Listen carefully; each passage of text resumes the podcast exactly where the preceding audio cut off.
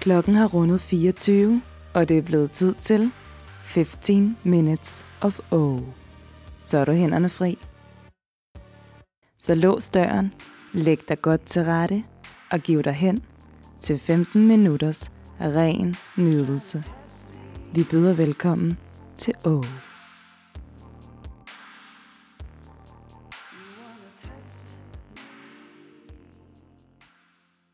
Novellen, du skal høre i nat, hedder Sultanens Sauna.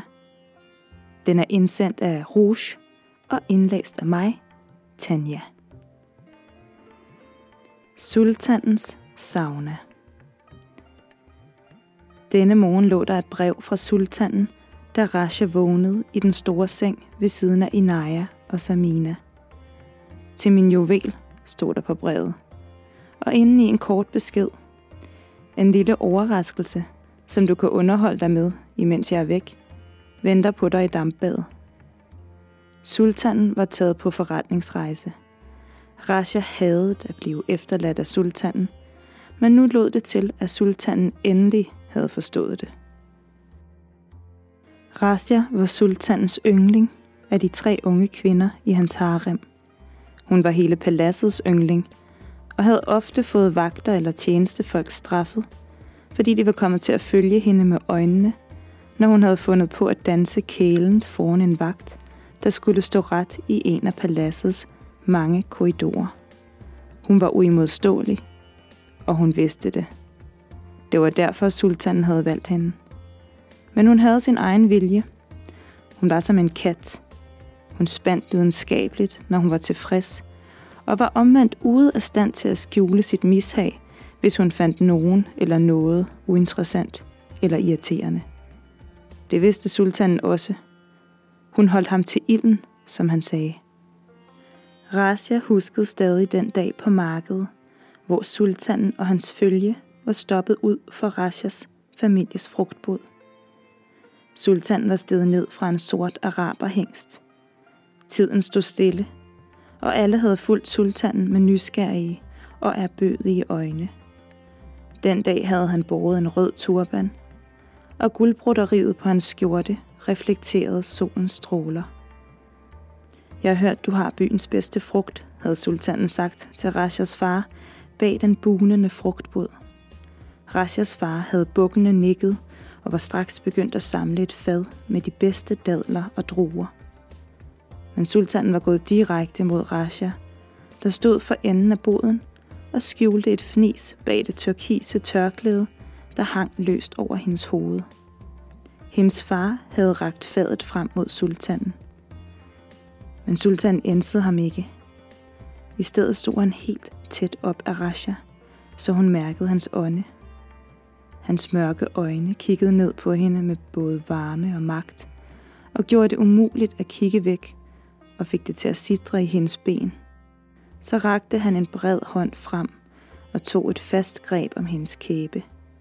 Rasja gispede, men slap ikke sultanens blik. Med den anden hånd slog han ud og ramte farens fad med frugt, så det hele faldt på den støvede jord. Prøver du at spise mig af med de næstbedste frugter, råbte han. Kun det bedste dur til mig. Mine vagter henter din datter i aften, lød det så fra sultanen.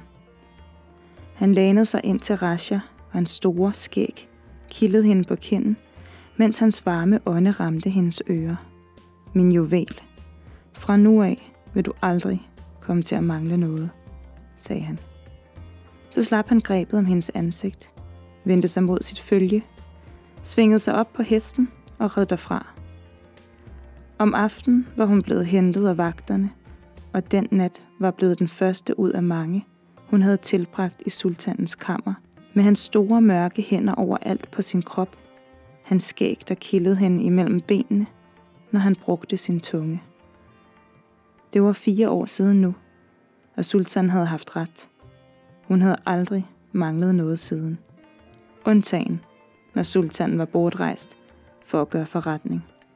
Rasha var blevet afhængig af at begære og blive begæret og hun fandt det både urimeligt og ulideligt at blive efterladt. Og sultanen vidste, at han måtte finde på noget, når han var bortrejst, hvis hun ikke en dag skulle forlade hans harem som den kat, hun var.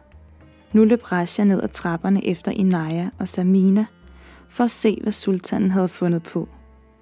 Deres latter gav genlyd i paladsets marmorkorridorer. De tynde dragter i vinrød og smaragdgrøn blafrede om deres kroppe, og lyset flimrede af farver, når solens stråler ramte dem i gårdhaven. Paladsets hammam lå i kælderetagen, og en tung aromatisk damp mødte dem, da en af badedamerne åbnede den tunge trædør og fik chiffonkjolen til at klæbe til Rasjas mave. De tog tøjet af og blev gennet hen til det sekskantede baderum med det store sekskantede marmorbord i midten. Badedamerne beordrede dem ind under bruserne langs væggen. Dernæst lagde de sig på bordet i midten. Rasha mærkede sine bryster mod den våde, glatte marmor. Sisal blev dyppet i sæbe, så de ro tråde blev fedtet ind i en tyk, hvid skum, der duftede velkendt. Badedamerne var lavstammet og brede over barm og hofter, og deres hænder kørte i hårde, ubarmhjertige stræk hen over de tre unge kvinders nøgne kroppe. Sisalen rev Rasha på inderlårene. En pigerne af flygtig smerte, der fik det til at summe i hendes underliv. Han må virkelig synes, du er speciel, snærede den ene af badedamerne fornærmet, da hun senere åbnede døren ind til dampbadet og lod de tre renskurede unge kvinder træde ind i den tætte damp. Rasha kunne først kun skimte i Naja og Samina gennem togen, men sagtens høre, hvordan de fnes forventningsfulde. Hvad må der skulle ske nu? De sad lidt og kiggede på stjernehimlen i loftet, hvor små orange lamper lyste. Rasha nød, hvordan hendes baller nærmest flød ud, når hun satte sig på den våde marmorbænk, så vandet sne sig ind i hendes folder. Så hørte de den, der rømmede sig. De var ikke alene i badet. På den aflange marmorplade i midten af rummet lå en skikkelse. Rasha rejste sig og gik hen mod skikkelsen. Det her måtte være sultanens overraskelse. En af paladsets krigere lå på ryggen, kun iført et beskyttende læderstykke, spændt om hoften med et bredt læderbælte, hvor paladsets symbol var indgraveret. Hans arme og fødder var fastspændt med lædersnor og hæftet på hver af marmorbordets sider i nogle hængsler. Rasha gøs i spænding. Måtte hun bruge ham, som hun havde lyst? Krigeren havde et linnedklæde bundet om øjnene – så de tre kvinder kun kunne se den nederste halvdel af mandens ansigt, som bar et stort fuldskæg, som var kutymen for krigerne ved sultanens palads. Havde han fået ordre til noget bestemt? Vidste han, hvad der skulle ske? Hun lod et par fingre glide langs krigerens fod og op langs det ene ben. Hun kunne ikke styre sin nysgerrighed og løftede i læderet. Krigeren trak vejret hurtigere. Et tilfredst smil bredte sig på Rashas læber, og Inaya og Samina kiggede afventende på hende. Krigeren var mere end veludrustet. Hun lod sit blik og en finger fortsætte hen over den brede brystkasse, hvor flere ar vidnede om nærkamp. Hun kunne mærke hans hjerte banke hurtigt. Hun bemærkede de grove, brede hænder, mindst lige så store som sultanens. Inaya stillede sig hen bag Rasha.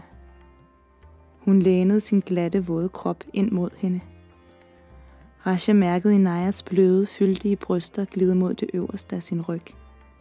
Inayas smalle hænder kærtegnede Rashas hofter, bevægede sig opad, hvor de tog et fast tag om Rasjas bryster.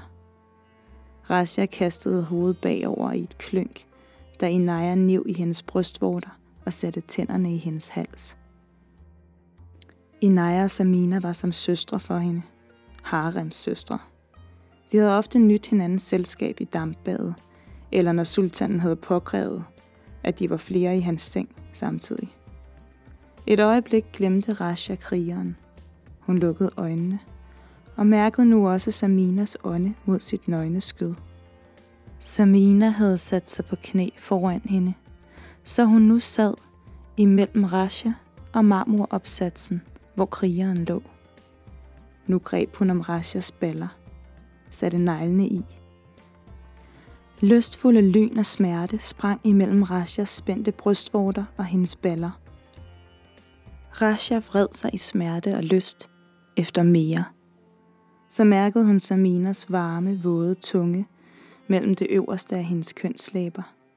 Små, hårde tryk, som en ivrig kat, der drikker fløde af fadet.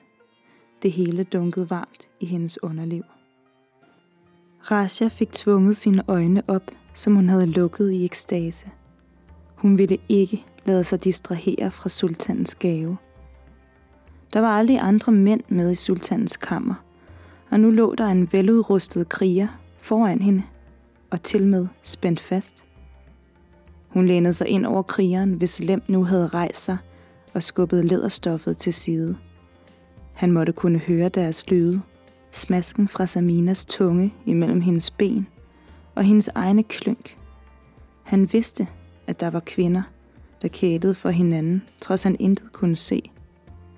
Saminas hoved kom nærmest i spænd mellem marmorblokken og Rasha, da hun lænede sig ind over krigeren, og Samina slikkede nu i lange, brede strøg over hendes svulmende kønslæber og endte hvert strøg med et pres på hendes klit, der fik hendes ben til at give efter.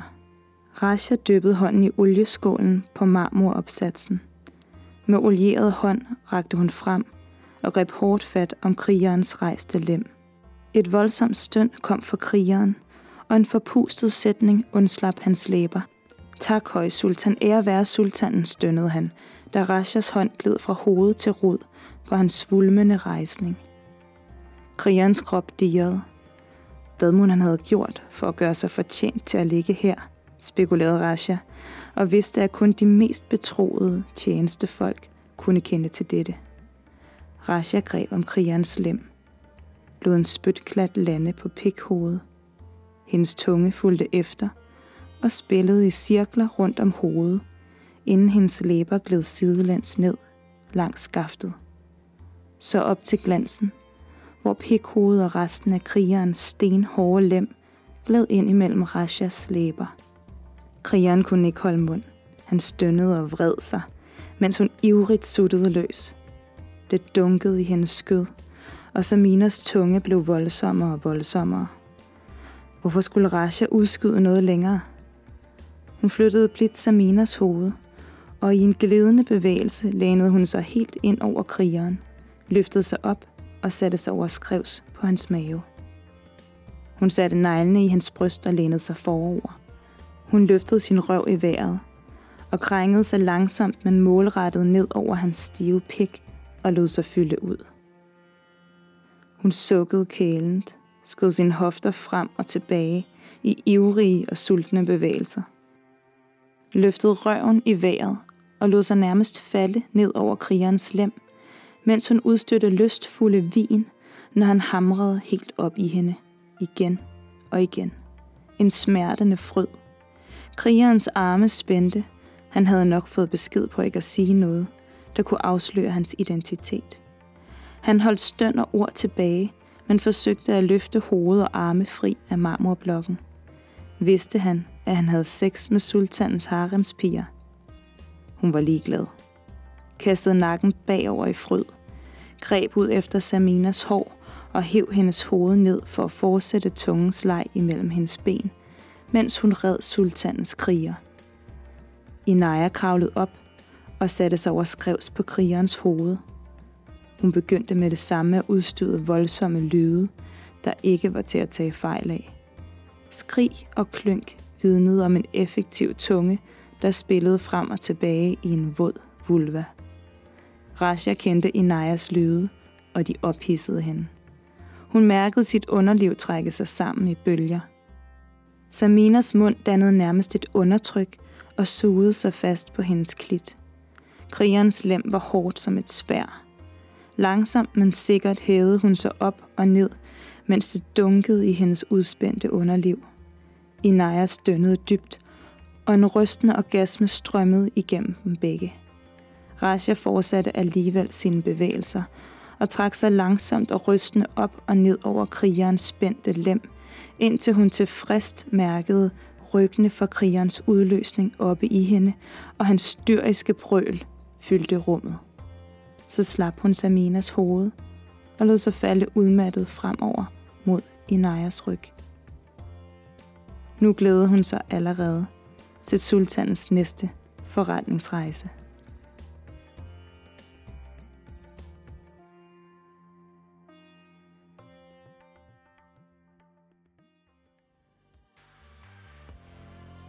Har du selv en fræk historie mellem benene, så send den til os på o erotiskradio gmail.com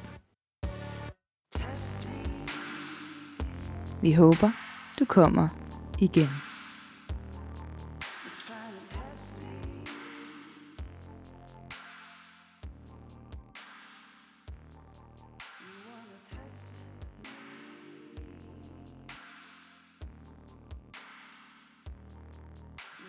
test me.